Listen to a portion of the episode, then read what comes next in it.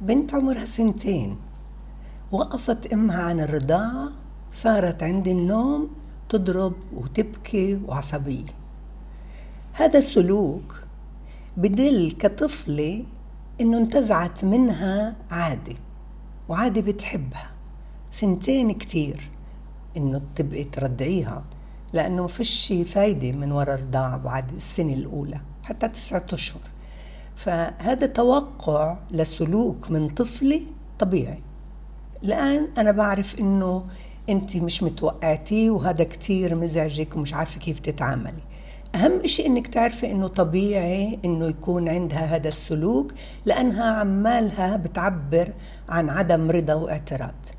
الآن حتى إنه نعودها وحتى إنه نخليها تستكين بدنا نرجع لها الأمان. هي بحاجة لأمان واطمئنان.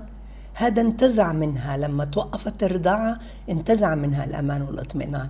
وأنا بفكر إنك فكرتي إنه تكون يعني كأنه خلص صارت كبيرة بحطها بسريرها وهذا هو. وقت النوم عادة هو بده أمان واطمئنان. ليه؟ لأنه فيه كمان فراق فيه فراق للأم والأبو. وأغلب الأطفال إذا بتلاحظوا لما بنفوتن على سريرهن بصيروا يبكوا. لأنه فيه فراق عن الماما والبابا. يعني بطلت أشوفهن. والأطفال بطلت أشوفهن يعني خلص راحوا.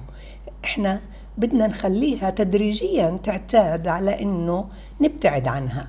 بالبداية تدريجي بتبتدي بتبتدي إنه الرضاعة اختفت يجي محلها إنها تشرب عبتة غمرة آه آه نقعد جنبها على التخت. أسرد لها قصة. بعد ما أسرد لها قصة أضلني قاعدة شوي ما أقومش أفزعها يعني أهم إشي ما أفاجئهاش لأنه هي بحاجة لحب أمان واطمئنان ونموذج. أنت نموذج ماما بده يعودني على الحياة. الحياة بدونك صعبة. أنا كنت كل الوقت أكون بحضنك وترضعيني إسا هذا اختفى. بدك تحطي محله أمان واطمئنان آخر. وجودك جنب السرير وبعدين بعد ما أسرد لها قصة يمكن إذا كانت تعبانة مهم كتير كمان سنتين تقدر تركض تنط تتمرجح تعمل أنشطة حركية اللي يتعب جسمها كتير.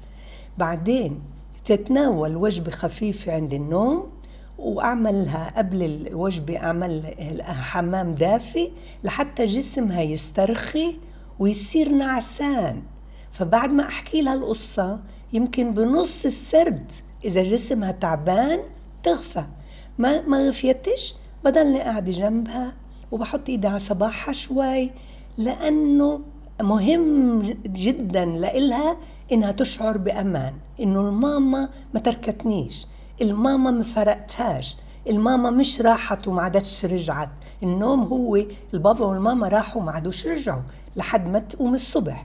فالأمان والاطمئنان تهليلي صوت حتى إذا بتفتحي لها إشي هيك هادي وأهم من كل هذا إنها تعرف إنه أنت بتحبيها كتير وتغمريها وسرد قصة.